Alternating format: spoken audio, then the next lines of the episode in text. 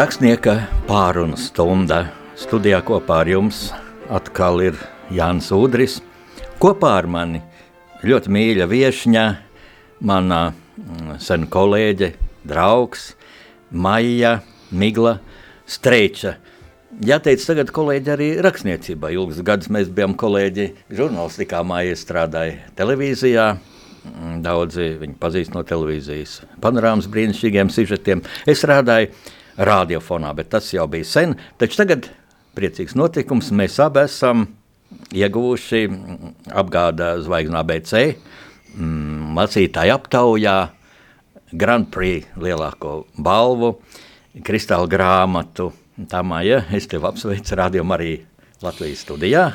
Paldies, un Jāni, man jau arī tevi jāapsveic, jo es dabūju, mēs katrs dabūjām to balvu savā nominācijā. Es to balvu dabūju, e, kad par mani balsoja lasītāji grāmatnīcās, un par tevi balsoja lasītāji internetā. Tā kā abi ir vienlīdzīgi.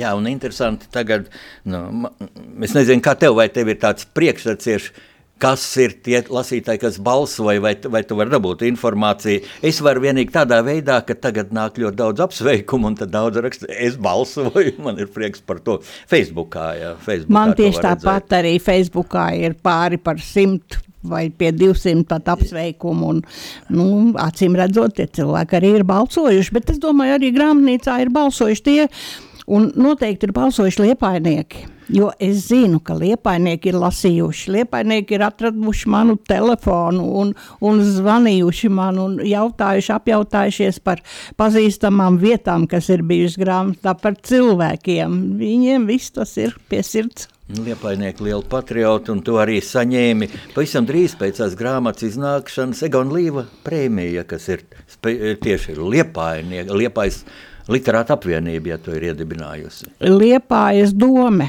es Ak, tā dome? saprotu. Jā, Pavisam. jā, dome kopā ar literātiem, aha, jā. Jā, un, un nu, tas man bija tiešām, tas man bija tik negaidīts un tik priecīgs pārsteigums. Bet man te gribētos izmantot izdevību salīdzināt tādu mūsu pieredzi. Nu, man šī e, šī apbalvotā grāmata, Ivana Kaja, Sievietes zelme, man tā ir astotā iznāksī grāmata. Tev pirmā tā, ka es tev apsveicu ar spožu debiju, un uh, tūdaļ rodas jautājumi, kad tev radās šīs grāmatas ieceri, jo, jo grāmata ir ļoti plaša. Varētu domāt, ka šauri, ja par, par tavu vecmāmu, par Omītu Matildu, grāmatu sauc Matildas gadsimts, ja, bet caur savu vecumā tu tiešām parādi Latvijas vēsturi. Ļoti neparasts tvēriens, ļoti neparasts.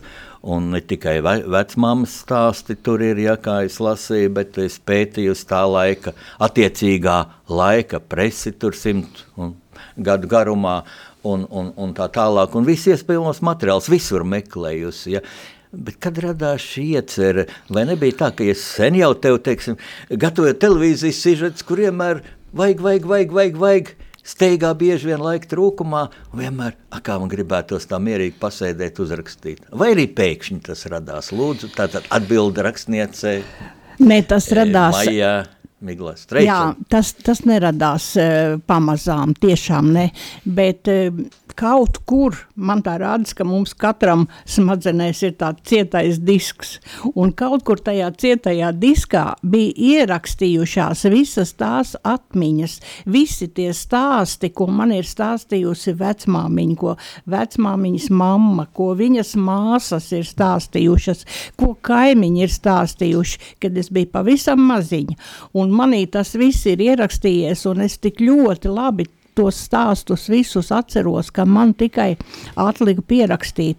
Bet tad vienā brīdī jau es pēdējo gadu strādāju televīzijā, un tad naktī es pamodos un domāju, bet man taču ir, man taču ir jāraksta.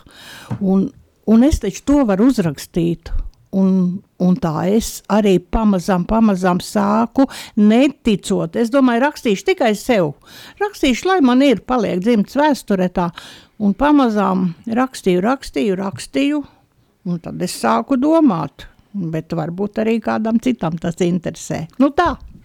Es iedomājos tikko, varbūt tā ir liela veiksme, ka tava uh, vecmāmiņa viņi bija no parastiem ļaudīm.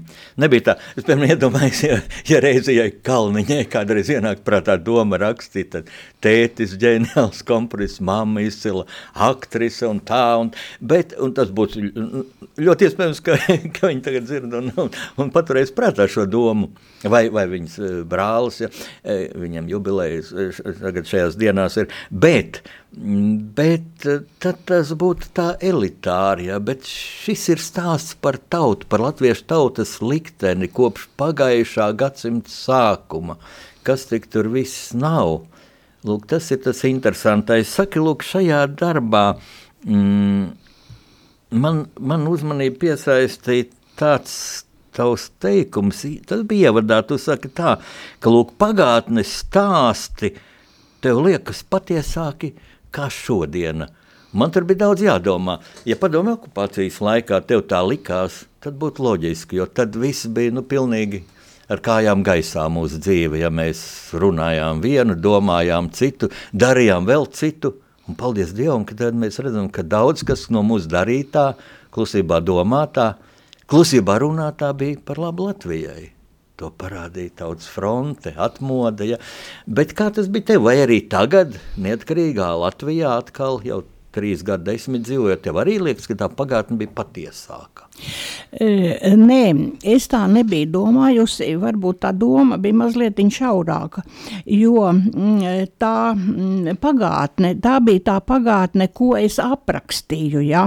Un viņa man likās ļoti patiesa, tāpēc ka pirmkārt tie bija reāli mm, stāsti ko es aprakstīju. Otrakārt, es piemeklēju arī reālus uh, avīžu rakstus, vēsturiskus materiālus. Viss tas, tas bija tāds ļoti patiess. Ja? Uh, tālāk, kad jau es aizgāju līdz padomi laikiem, uh, tās jau bija grūtāk. Tāpēc, kad piemeklēt tur patiesus, teiksim, kādi tad tie avīžu raksti bija, to mēs zinām, vai ne? Tad tur, tur, tur kaut ko tādu piemeklēt bija daudz grūtāk, un, un, un e, e, mēs jau, nu, es jau romānā nenonācu līdz atmodas laikiem. Es pabeidzu 68. gadā, vai ne, to romānu nu, nevis pabeidzu, bet nu, notikumu tur.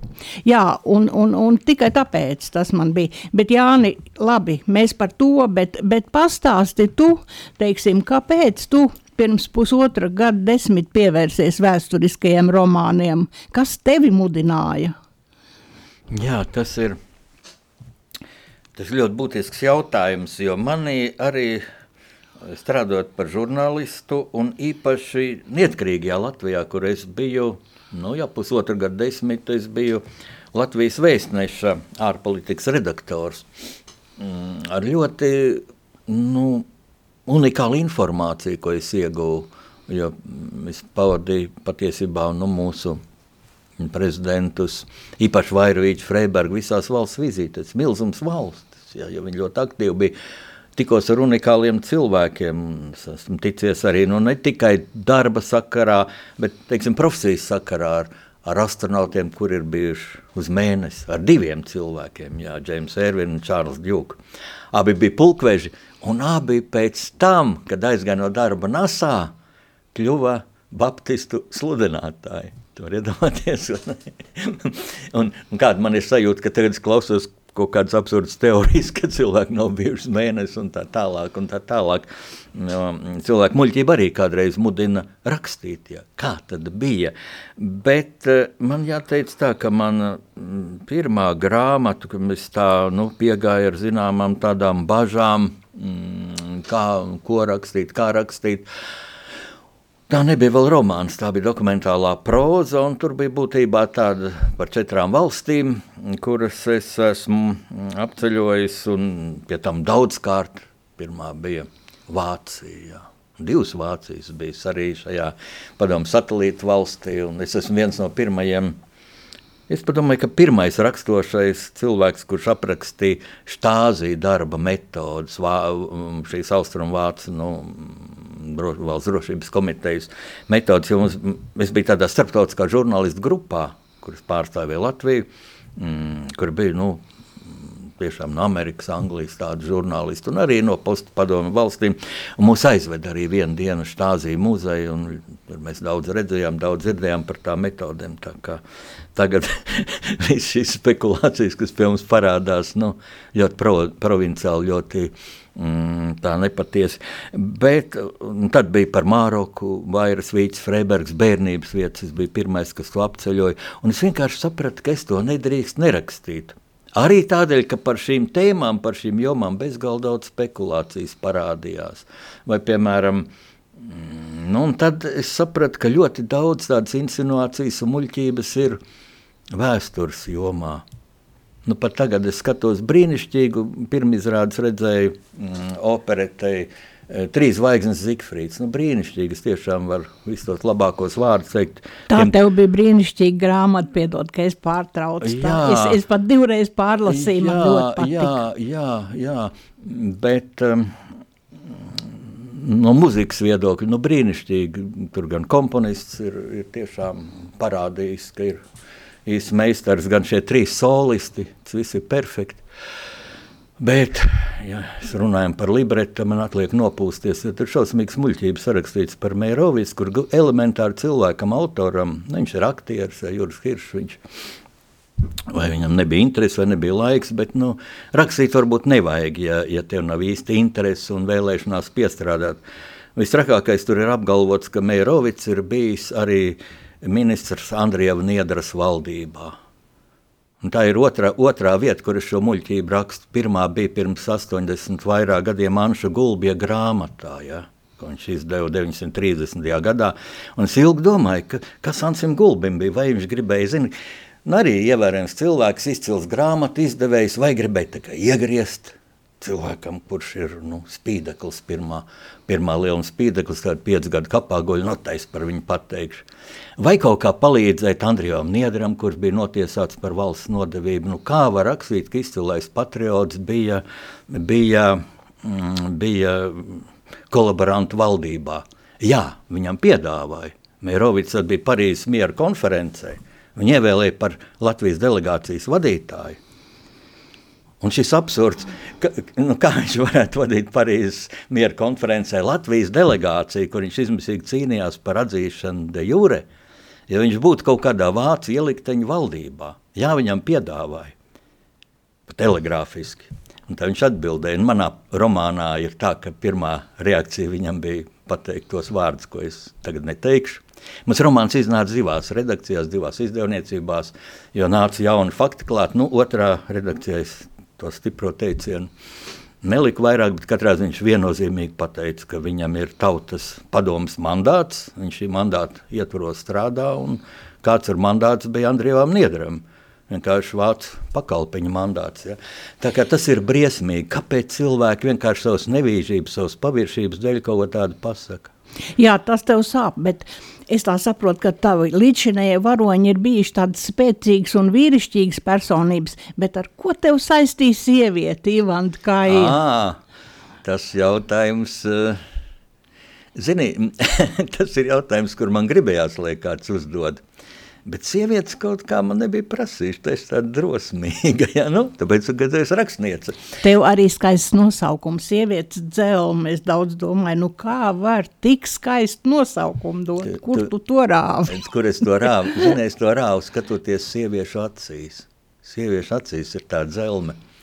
Un, un lai cik tas varbūt dīvaini neliktos, bet, zini, tā, tagad tās maskas uzliek, Tu esi pamanījusi, nu, tev sievietes neinteresē, tu pat esi interesanta sieviete. Jā. Man interesē. Nu, un tad es.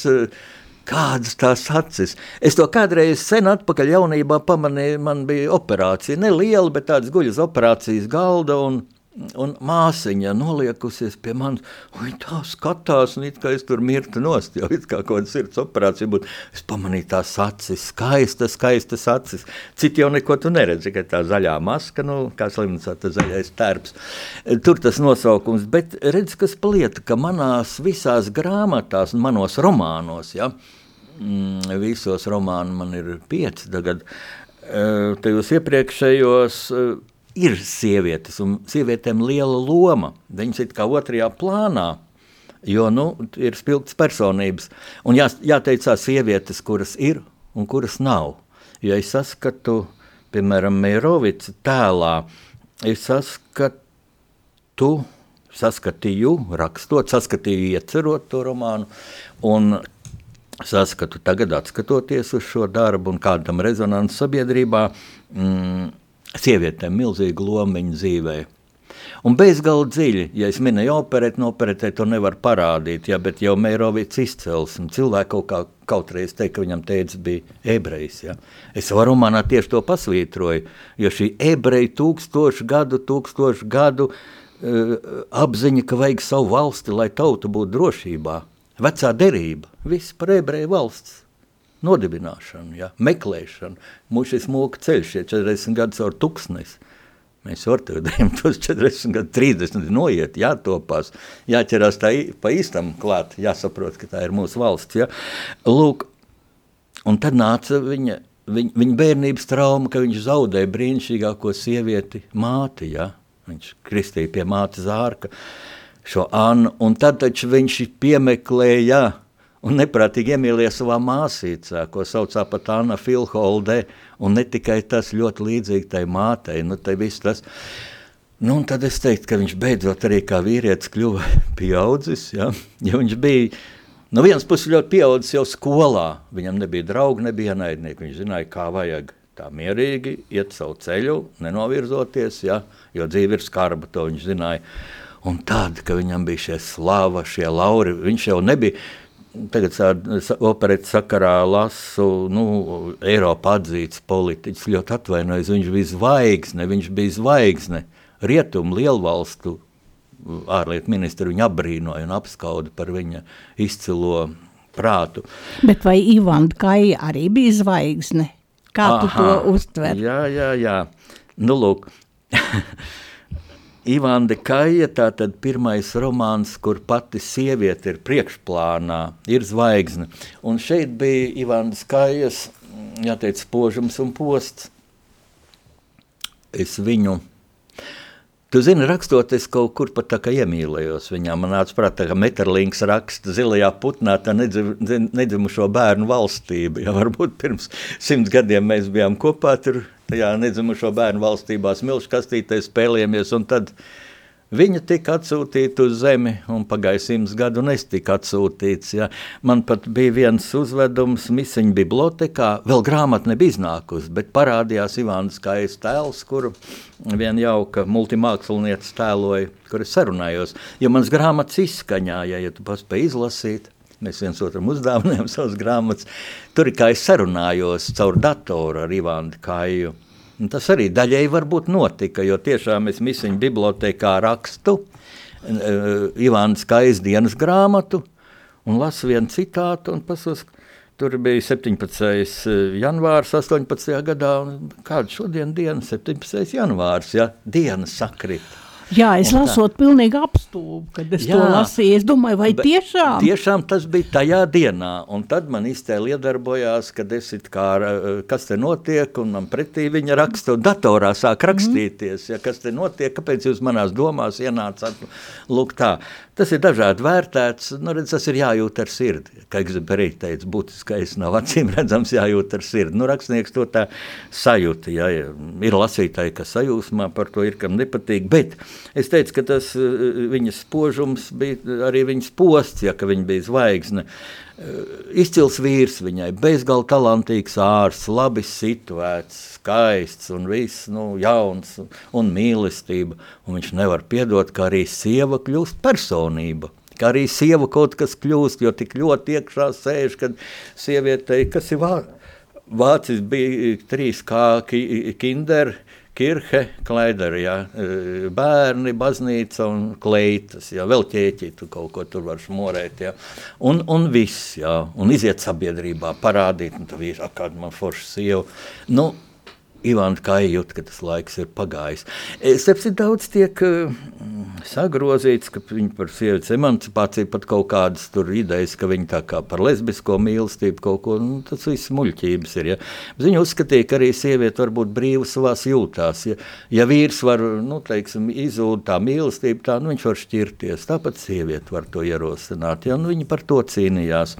Zini, man tai grāmatā man bija kaut kāds jauns atklājums tas par e, Raiņu un Aspāzijas attiecībām. Tu arī tur daudz rakstīji, jo Ivana Kāja bija tur aizbraukusi un, un, un ciemojās un viss. Un es taču domāju, ka viņi dzīvoja, Rainis ar Aspāziju dzīvoja kā tādi divi balodīši. Es esmu lasījusi viņu vēstules, viņu maigie pirkstiņi un visu un dūiņa, un es tev skūpstu katru kājas pirkstiņu Bet un tā to jau tālāk. viņš neskūpstīja Aspāzijai tos mazos Bet to pirkstiņus.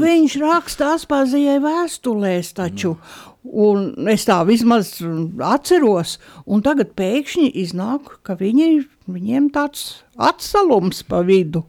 To tu, to tu esi tā uztvērs, ja? E, Es tagad e, es vēroju, kā tu uzdod šo jautājumu. Ja. Žēl, ka mēs neesam televīzijā, tev tik dzīvo seja un acis mirdz. Un man ienāca prātā, ka vēl viena lieta ir jāpasaka, citādi es palikšu ļoti, ļoti parādā mūsu klausītājiem par vēl vienu man, manas viešņas maijas, Mīglas Streičas um, talantu. Jā. Māja ir dzēniece, un dzēniece tu, tu kļuvi sen pirms romāna. Romāna, pirmā romāna uzrakstīšanas, un tagad laiks ir muzikālai pauzei. Un es gribu palūgt mūsu operatorei, jaukajai Aijai, uh, atskaņot vienu imanta kalniņa dziesmu ar maijas vārdiem, no kuras izrādes tā būs maija, kuru tu izvēlējies. Tā būs no Brēmenes muzikantiem. Es nezinu, kur atskaņos. Es tā kā divus ieteicu brīvības dziesmu un eh, princesītu un trubadūrs. Mēs abas noklausīsimies Jā. pirms vienu, Nu, kura jā, būs. Jā, jā. tikai te laikam jābrīdina, ir tāda klausītāja, kāds meklēs eh, internetā, kad tu parakstīji šīs dziesmas kā Maija Līcīte. Maija ja? Līcīte, jā, ar- vārds, ar jā. meitas Nu, jā, vārdu, un jā. pēc tam sievietes precās un zīvietes savu Nu, gaitu, jā, es jau sāku, man jau arī tas dzējoļu krājums, manuskripts, respektīvi, kas tā arī netika izdots uz galam, eh, viņš arī kā Maija Līcīte, jā, es tā arī paliku. Un Vēl par uzvārdiem. Es atceros, man viens prasīja, tā Jānis Strečam kundze. Jā, nē, kundze, tu neesi, bet tu esi Jāņa, Jāņa Streča brāli Mērika, manam draugam kundze. Pareizi. Pareizi, taisnība, Jā, tātad klausa, klausamies maijas, dziesmu ar maijas vārdiem. Taurinīši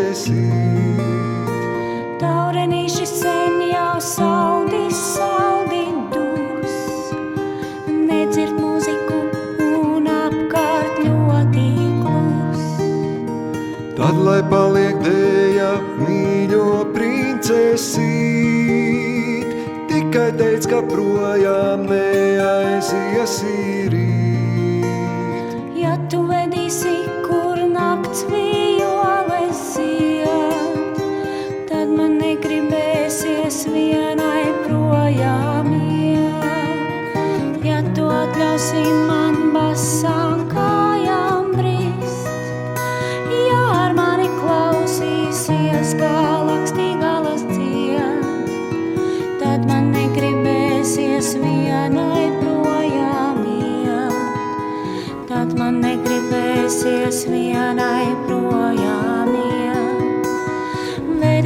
es tevi tur,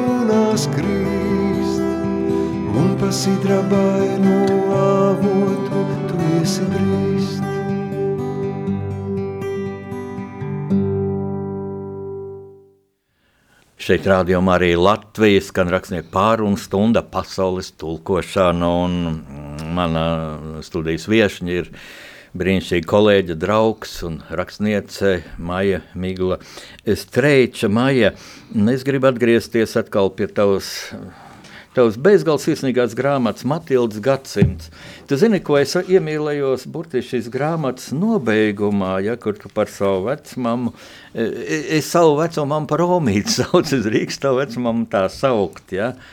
Nu, es viņu saucu par vecmāmu, jā. Vecmāmu, un viņa brīnišķīgi šeit raksta par to jūrā nogrimušo karogu, bet uh, tagad šoreiz karogs nenogrim pavisam, bet pacēlās no jūras uz saulrietu fona, un balss teica, karogs ir atgriezies. Un tad jau arī bija laiks. Man vairs nav palicis neviens tūs cilvēks no tiem laikiem. Matilda bēdājās garām skriejošos kadros, cenšamās vēl saskatīt mīļās aizgājušos sejas, bet zvaigznes krita tik ātri, un tad jau viņai pakaļ bija atnācis tēvs un teica – Nebēdājies, mēs visi esam te. Kāpēc tu tik ilgi guli? Celies un nāc pie saviem. Un Matilde gāja, un viņa aptvēra dziļa, silta un starojoša mīlestība. Man bija druskuļi grūti nolasīt tās ar acīs. Un, nu, jā, un īpaši es būtu liepainieks, es tu līdz grāmatnīcu būtu prom un par tevi nobalsot. Jā. Zini, es gribu pateikt, tās visas, man pašai asars acīs, zini, tās visas, visi tie sapņi, tie redzējumi, tie, tie nav izdomāti, tie nav manis izdomāti. Par to, par to Latvijas karogu man vecmāmiņa stāstīja vairāk kārt, bet Tie vēl bija padomu laiki. Viņa teica, jā, viņa teica, un tādas bēdas man bija, un tā es bēdājos. Es redzēju, ka lieli viļņi jūrā un Latvijas karoks grimst, vien, bet viena balss man saka, nebēdājies, viņš atgriezīsies. Viņa saka, bet man uz sirdi bija tik smagi, tik smagi, jā, jā tā, tā, tā, tas bija tiešām viņa stāsts un redz, un Viņa arī pieredzēja, viņa piedzīvoja to, viņa nodzīvoja līdz 94 gadiem un piedzīvoja, ka tas karoks atgriezās. Un tāpat arī, tāpat arī citi tie sapņi, tie redzējumi, tie bija, tie bija tiešām patiesi. Tā kā tas, ko viņš stāstīja par to tēvu, jā, tēvs, kad ir, mm, viņi man vienreiz teica, viņi teica, zini, viņi saka, es guļu un redzu, ka tēvs ir pienācis man pie gultas un saka, Tildiņ, ko tu tik ilgi guli? Taču nāc mājās, celies un nāc mājās. Viņa teica, ko tas nozīmē? Laikam man tad būs jāmirst. Es teicu, nu nē, nē, nu nebūs jau. Un, jā, viņi vēl pēc tam nodzīvoja diezgan ilgus gadus, bet tēvs tiešām bija aicināja viņu uz mājām. Zini, Maija, es klausos un saskatu tādu nu, pārsteidzošu tādu atklājumu. Ja? Kā šīs vecmāmas, šīs omītes ir faktiski mūsu līdzautoras, ja? jo mana omīte pāries, nezinu, gadu, gadu, gadu desmitiem, ja?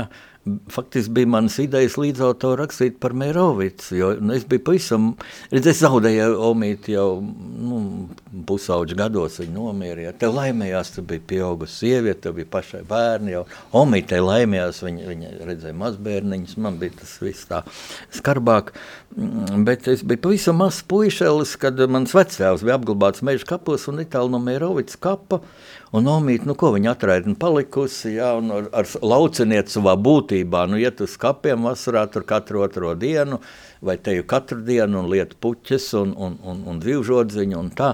Nu, un es kaut ko daru, es skraidīju pa tiem kapiem, bezgalīgi skaisti. Taču tas ansamblis viss tur starp brāļu kapiem un, un Mērovics pieminekli. Nu, un es tādu prasu Omītei, kas tas par skaistu pieminekli, ja? Jo tas bija viens liels vīrs, kad Latvija bija brīva. Es saku, kā vai tad tagad nav brīva? Nav brīva. Nu, kā, kāpēc nav brīva? Un tāpēc, ka Krievi ienāca. Kad viņi ienāca? Un tā bija vēstures stundas. Viņi ienāca divreiz. Vienreiz viņi ienāca, pirmā reize Krievija ienāca, tad otrreiz Vācija, tad ienāca vācieši, tad Krievija ienāca otrreiz, un tā mēs dzīvojam zem Krieviem. Nu, un tad pirmā abece, ja, tā bija epitāfija uz Mēravicas kapa, sūtīja reiz varenas lielvalsts tev prasīt atpakaļ Latvijai tiesības, tai ņemtās. Laimīgais liktenis apskauda tevi un darbs, un diženas veids mūžam pateiksies tēvī, tev burtiņu pa burtiņam uz melna marmora, zelta burti. Lūk, un tas kaut kā caur dzīves visu to un žurnālistika un steiga un paviršība bieži vien, un, protams, arī padomu laikos šie ezopu valoda, ko mums žurnālistiem vajadzēja runāt. Un ka tu meistarīgi runāji viens, un otrs, es atceros žurnālistu gaitās, ka tu vienmēr runāji ar tādiem gaišiem cilvēkiem, ar vienkāršiem latviešiem, ja, ar jūrniekiem, ar zvejniekiem, ja es pareizi atceros, lauku cilvēkiem.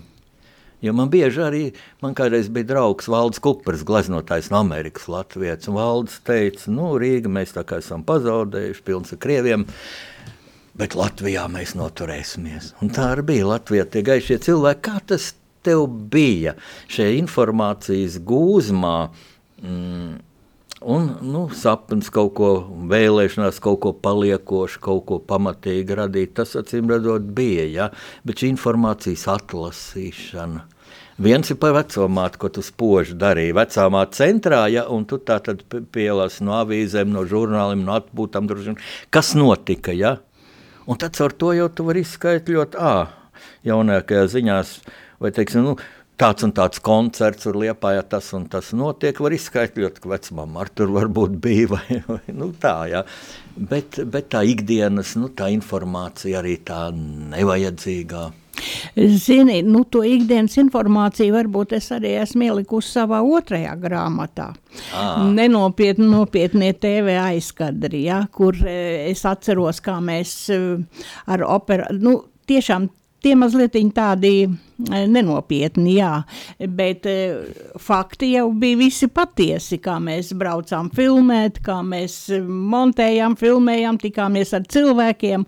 Un, un, un Un tas viss bija arī uz tāda maza humora viļņa, ja nebija tāda nopietnība, jo nopietnību tajos padomi laikos tā bija nepatīkama nopietnība, tā bija tāda riebīga nopietnība. Vajadzēja sakot zobus un sēdēt un klusēt, jā, un, tieši tā. lai ātrāk beidzas. Jā, jā, tieši tā, jā. Nu jā. Brīnišķīgās bet, bet, anekdotas palīdzēja izdoma, izdzīvot. Tās, tās bija brīnišķīgas tiešām tajos laikos. Tagad vairs it kā es pat nejūtu tādas anekdotas, tas ir slikti, ja vajadzētu, jā. lai par politiķiem ir anekdotas. Vajadzētu, jā. jā. Lai gan, redz, tas bija naidīgs režīms un tās anekdotas bija ļoti dzēlīgas. Nu, un bija bailīgi jā, arī. Jāteic gan, ka ne jau latvieši viņas visas sacerēja, daudz nāca no Maskavas inteliģents, no šiem disidentiskajām aprindām, jā. Jā, par Brežņevu un tādas. Un, starp citu, neviens nemaz tā neķēra par viņām ciet, kā tagad raksta, nē.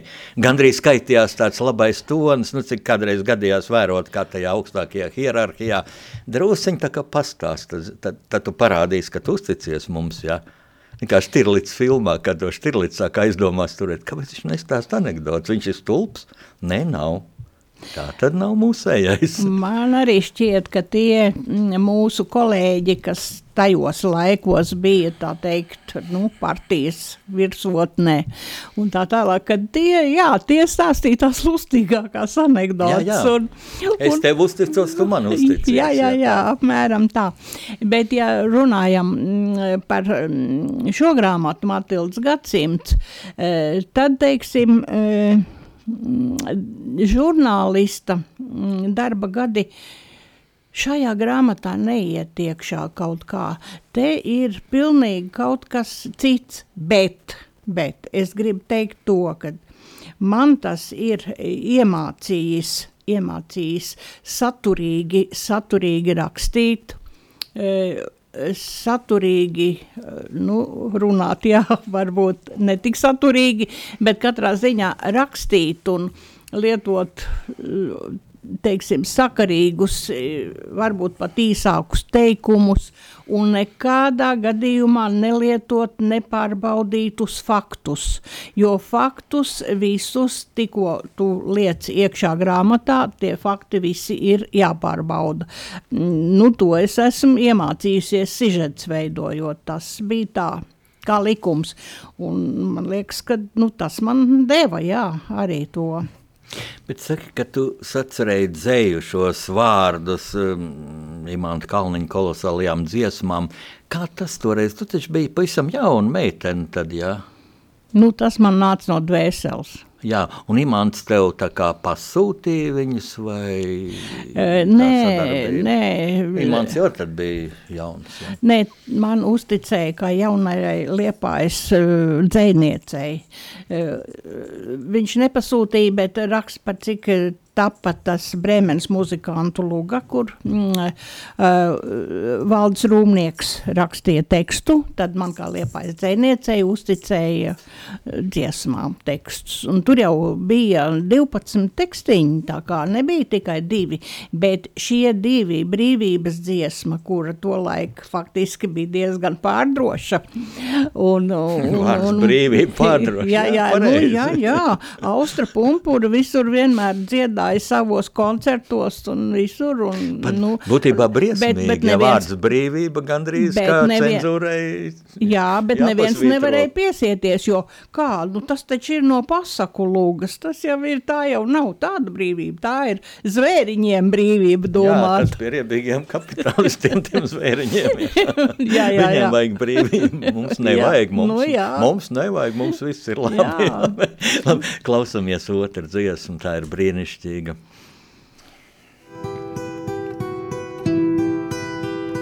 Kā jūs domājat, vai zelta ķēdes, maigāk rokas, vieglāk kājas slēdz?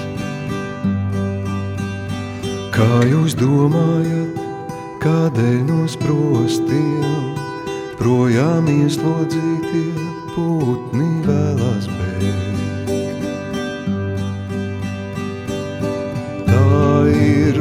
brīvība, kas dārgākā par sauli. Tās ir ilgas, kas no sprostiem ārā sauc. Tā ir laime pamosties no dziesmām, rīta vēju sveikt, kas rasu zālē trauc.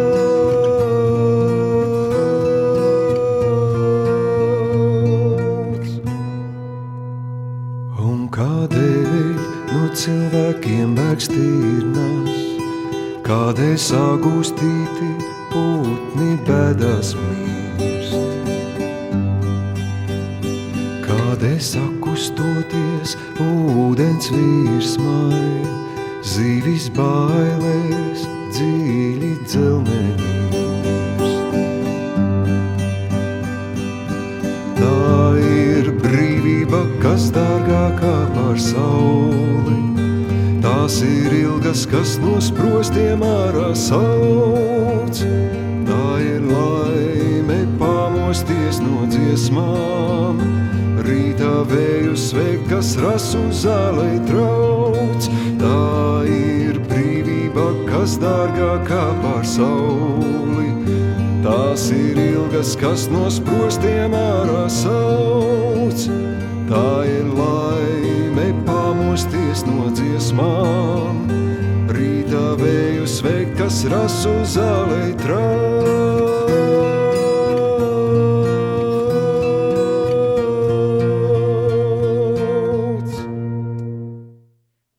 Skan rādījumā arī Latvijas rakstnieku pārunu stunda, un mūsu studijā viesojas rakstniece Maimigla Streiča. Mm, raidījums tuvojas beigām. Nu, tāds e, tradicionāls jautājums mums tagad būtu par nākotnes iecerēm. Jā. Jā, jā, es tev gribēju jautāt, par ko tev bija vieglāk un interesantāk rakstīt par vīriešiem vai par sievieti? Un vai tavs nākamais darbs atkal būs par sievieti? Jā, tu vilti. Te būtībā jā, divi jautājumi, kas vieglāk un kas interesantāk. Nu, vieglāk par vīriešiem, jo pats esmu vīrietis un redzu, kas vēl man romāna Kārls Ulmans, Zikfrīds Anna Mērovics, nu tur, tur ir daudz faktu, jā. Tas ir mīts, ko es nezinu, vai slinki vēsturnieki vai kas to palaiduši, ka par Kārlu Ulmani nekas nav zināms. Ir ko nezinu, bet ir 94. gada vēstures institūts izdeva visu viņa pratināšanas protokols, kas bija atdavūt no Krievijas. Tad, kad mums bija viena brīdi labas attiecības, 90. gada sākumā, zinu, laikā, ja, nu, par Mērovicu ļoti daudz faktu. Ja tagad tur kaut kādas insinuācijas un muļķības raksta vēl, tad tas ir kauns autoram. Bet patīkamāk nu, noteikti par sievieti, ja, gan to, kas ir kas ir centrā, gan arī aiz kadra, ja jau šajos romānos par, par Mērovicu un par Leitnantu Rubenu tur ir aiz kadra sieviete. Nu, nākamie romāni, uh, Nu, jā, man ir vairākas ieceres. Viena, ko es, es negribētu minēt par kuru personību, bet tā būs šajā, es domāju, šajā sērijā izcilie latvieši, ja par vienu spilgtu personību, kultūras darbinieku. Es piedzīvoju arī daudz tādas lietas, kas varētu nebūt daudz tādas nu, intrigas, un neminēšu to vārdu, ka būs gatavs. Tad, tad. Bet, uh, Tas būs par vīrieti. Jā. Un tur neko nevar grozīt. Viņš ir nācijas varonis, un, un, un viņu praktiski neviens nezina. Arī encyklopēdijās, arī Wikipēdijās pāris rindiņas var atrast. Un tā es tāpat, ja es neuzrakstīšu, vienreiz viņa kā veidē nošauju, tad otrreiz es viņu nonāvēšu. Tāpēc es to uzrakstīšu, bet tad nu gan es saņemšu gribas spēku un rakstīšu mm, par savu paudzi, par to, kā mēs augām pirmajos pēckara gados, kā mm, padomu laikos, kā dzīvojām, ja, par saviem draugiem, bet tie, tie, būs, ar, tie būs tikai prototipi, ja, kādas dažādas ceļas mēs aizgājām, kādas karjeras veidoja, arī traģēdijas, kādas bija, nu un šodiena, jā, šodiena, bet ko tu tagad raksti? Tas man ļoti interesē. Cilvēki jau gaida par to televīziju turpinājumu. Es zinu, Tautas fronts muzejā bija diskusija, tu visu tā izsmīdināji par, par savu brīnišķīgo priekšnieku, stāstot Jānu Dimāns, kas bija brīnišķīgs cilvēks, reizē padomu laika priekšnieks. Nu, man liekas, viņš arī tik atraktīvs un arī bija, ka laida muļķi. Droši vien, jā. Nē, es nevaru. Es vēl nevaru, kamēr ir covid. Es nevaru pieķerties uh, nākamajai otrajai daļai pa televīziju. Tāpēc, kad man vajag ar tiem cilvēkiem runāt, man vajag, varbūt ne tagad, tagad ar, ar mūsdienu cilvēkiem, kuri mm, taisa raidījumus, jā, kuri taisa sižetus, kuri uh, vada raidījumus. Es zinu pat, ar ko es runātu, bet es nevaru ar viņiem satikties un runāt, jo mēs visi baidāmies tomēr no, un pa telefonu. Nē, es gaidu, kad mazliet tas viss pārskries.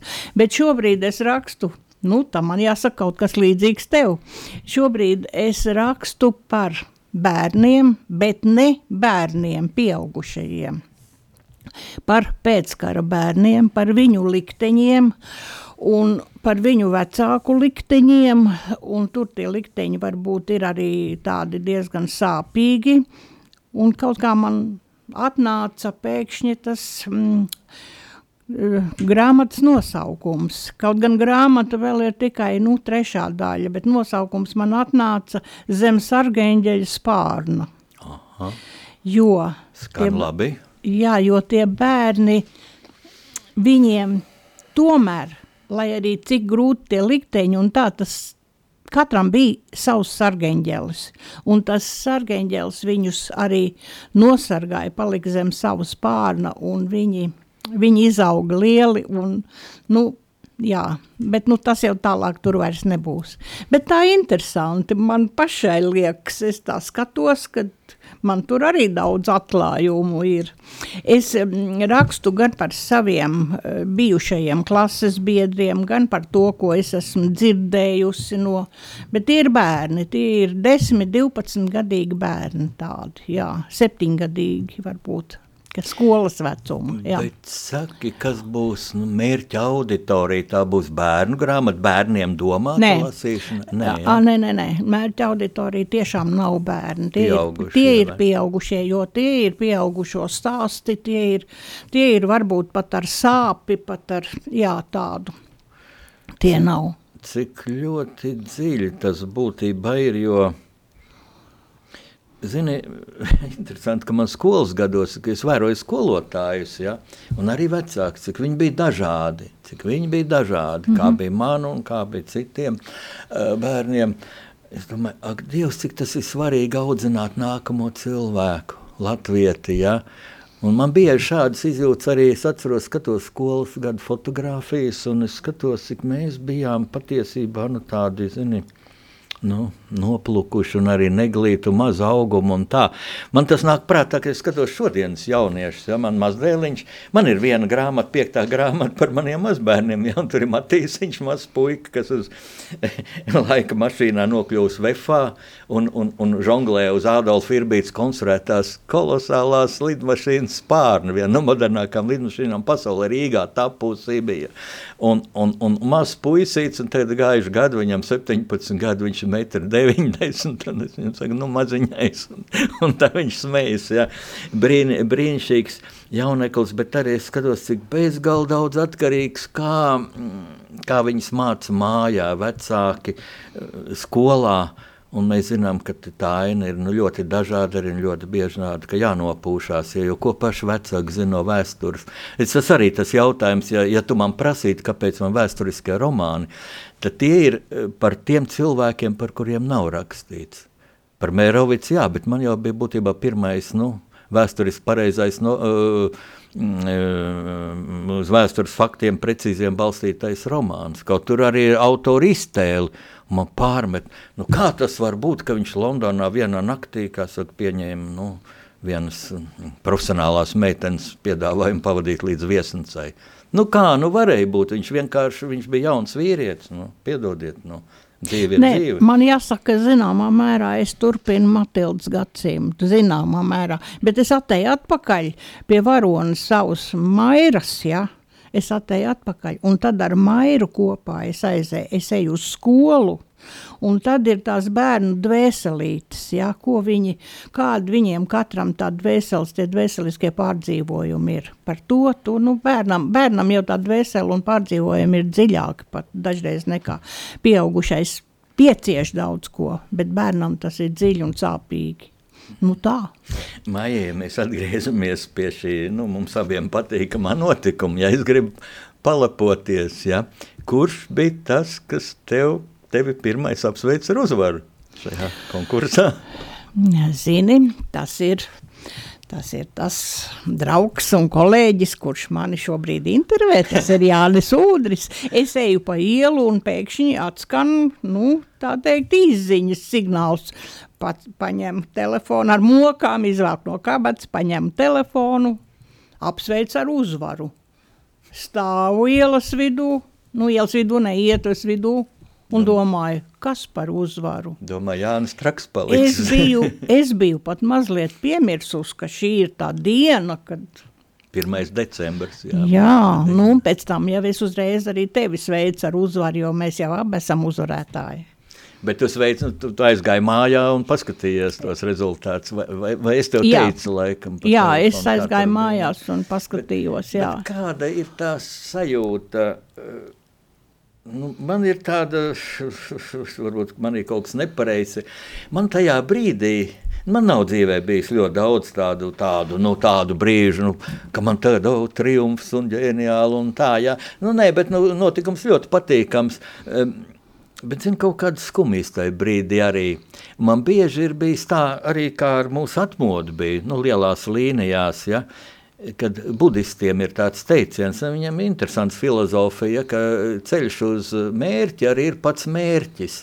Teiksim, atmodā es tā bieži domāju, ka mēs taču laikam nekad nebijām tik skaisti mūsu nācija, kā ejot uz neatkarīgo Latviju, un tagad mums viņi ir, vai mēs esam tik skaisti. Jā, Daudz ir lieliski cilvēki, bet tad šīs prātuļošanas, ka es neiešu vakcinēties, un visur es, es, es, es, es. Un tad es paskatījos Ivānas Skaijas runu Valmierā, kurš laikā viņa ķēra trieka, apmēram stundu garu runa. Zini, tur nevienā vietā nav es, tur ir tikai mēs, mūsu zeme, mūsu tauta, mūsu nācija. Un kur, kur paliek šis mēs? No kurien šis es? Pie tam spilgts personības, kas ir viņi, vajag es to daru. Ja? Es satiku daudz, kā žurnālists, izcils cilvēks. Ah, vajag labi. Akadēmiķi Jānis Stradiņš, ak, Dievs. Nu. Jā, vai ir Vīķa Freiberga arī teiktu, mēs, Dieniņa. viņa arī teiktu, Jā. mēs esam. Un Laikam jau mazāks cilvēciņš, jo viņam tas es, tie divi burtiņi rakstās spožāk kā neonu gaismā. Jā, šobrīd maz ir, man liekas, tā, tā saulainā daļa, tā skaistā daļa ir mazāk nekā tagad tās negācijas. Un, un kaut kā es gaidu, ka tas pāries un ka tas varbūt mainīsies. Jā. Bet vai nav tā, ka mēs tomēr arī tos ķieģelīšus tajā gaismas templī varam būvēt ar savām grāmatām, ar savu pieredzi? Mums jau abiem liela pieredze ir. Žurnālists gatavs dzīvē, no tagad ar grāmatām. Jā. Jā, tas ir. Es tā neaizdomājos, bet laikam jau gan, jā, tas ir tā, ka mēs varam, kaut ko jau mēs varam. Jo redz, šī jaunā grāmata, ja, kur es nekonkretizēšu, nu, bet par cilvēku, jā, kur nonāvēja vienreiz komunistu okupanti, jo viņš bija patriots, bruņotā, eh, bruņotā mm, patriotiskā pretpadomju organizācijā, kur tika sagrauta. Nu, Es jūtu tādu pienākumu rakstīts. Neteikšu, ka tā man ir izklaide vai, vai ļoti patīkama. Vienkārši pienākums. Es zinu, ka es esmu vienīgais, mm, kurš šī tēma ir iein- ieinteresējusi. Visi citi, nu, ar ko iznāk runāt. Kas tas bija? Kas tas bija? Man arī par Ivanu Kāju prasīja, kas tā tāda ir. Prasīja cilvēki, eh, kur tagad raksta par Ivanu Kāju. Kas tā ir? Es saprotu, gudri cilvēki, un tas ir labi paprasīt. Un es viņam tā pastāstīju, cik nu var īsi un, un viss. Jā. Nu, lūk, tā tad tagad mums ir ieceres, mums it kā, es gribēju tā salīdzināt to motivāciju. Man liekas, mums viņa ir līdzīga, nu kādēļ mēs rakstam. Es tikai vienu īsu jautājumu, vai tev arī tā ir, ka tu pabeidz grāmatu, un tu vienalga joprojām vēl esi tajā grāmatā iekšā. Es Matildas gadsimtā, es nevaru no turienes iziet ārā, es nevaru. Man, Es esmu iekšā, jā. Un tas ļoti praktiski man izpaudās, kad lūk, iznāca uh, Meirovics, pirmais romāns 2007. gadā, Jumaus labākā grāmata, un tā, mm, gadu labākā grāmata. Un tad paiet, uh, cik tad pagāja, septiņi gadi, jā. Un man zvaigzne ABC piedāvāja nu, izdot vēlreiz. Ja es gatavoju tādus uzvedumus, man bija viens patriotisks uzvedums. Mums Rīgas Lutera draudzē literāri muzikāls uzvedums, kur bija fragmenti no šīs grāmatas. Un tad es konstatēju, ka man taču ir ļoti daudz faktu nākuši klāt par Meirovicu. Ja? Tur chronoloģija ir tāda, ja? ļoti interesanti šajā grāmatā. Es konstatēju, ka Meirovics liktenis un Latvijas liktenis ik pa septiņiem gadiem ir piedzīvojis kataklizmus. Viņš gāja bojā septītajā valsts pastāvēšanas gadā. Tas Finks viņam saka, ka aizies divreiz septiņus gadus par ātru, un kas bija pēc 14 gadiem Molotov-Ribbentrop pakts. Un tad tās versijas, vai varēja būt savādāk ar Meirovicu, vai nevarēja, nu tā mums nav laika. Ja? Bet uh, es nevaru iziet ārā. Par Ivānu Kāju gan es tā stingri nolēmu pielikt punktu. Man vēl teica, kāpēc nerakstīja tālāk, nu, kad viņa tika paralizēta. Nu, būtībā viņa dzīve izbeidzās. Aspazīja teica par viņu. Viņa bija kā svece, kas tikai degot dzīvo. Nu, viņa bija nopūsta. Ja? Un viņa nodzīvoja vēl traģiskus, gandrīz 20 gadus. Jā, 20 gadus. Viņa 41. gada decembrī Ziemassvētkos baznīcojot nobrauc Vācu armijas mašīnu. Viņa bija komā vēl nedēļu un nomira. Nu, bet, nu, nē, te ir punkts un viss, jā, kas ir pateikts. Es ceru, ka ir labi pateikts, ja jau klausītāji tu novērtē, vai tu piekrīti man un kā tu uz to raugies. Tagad tev vajadzētu teikt tādus nobeigumu vārdus kā viešņai un es nemaz nezinu, ko lai saku nobeigumu vārdos. Nu, Tuvojas Ziemassvētki, nākamais, beidzamais šī gada raidījums, rakstnieks pārunas un būs jau pēc Ziemassvētkiem. zini, nu tad lai mums laimīgi Ziemassvētki, un lai mēs esam, lai mēs esam priecīgi, un lai raugoties svecītēs, svecīšu gaismiņās, lai mūsu acīs atspīd tādu cerību mirdzums. Jā. Mīļā māja, es tev novēlu, lai tu vienmēr smaidītu tik gaiši, ka šeit man žēl, man žēl, man žēl, ka šeit nav televīzija. Kad televīzijas panorāmās es gadu, daudzus gadus skatījusies, cilvēkiem smaidījusi. Liels paldies tev, māja, ka atnāci, un es tev novēlu, nu, nu, daudzas labas grāmatas. Ja sākums ir labs, lai turpinājums ir tikpat labs. Paldies tev arī tāpat! Daudz labas grāmatas. Paldies! Paldies, Maija!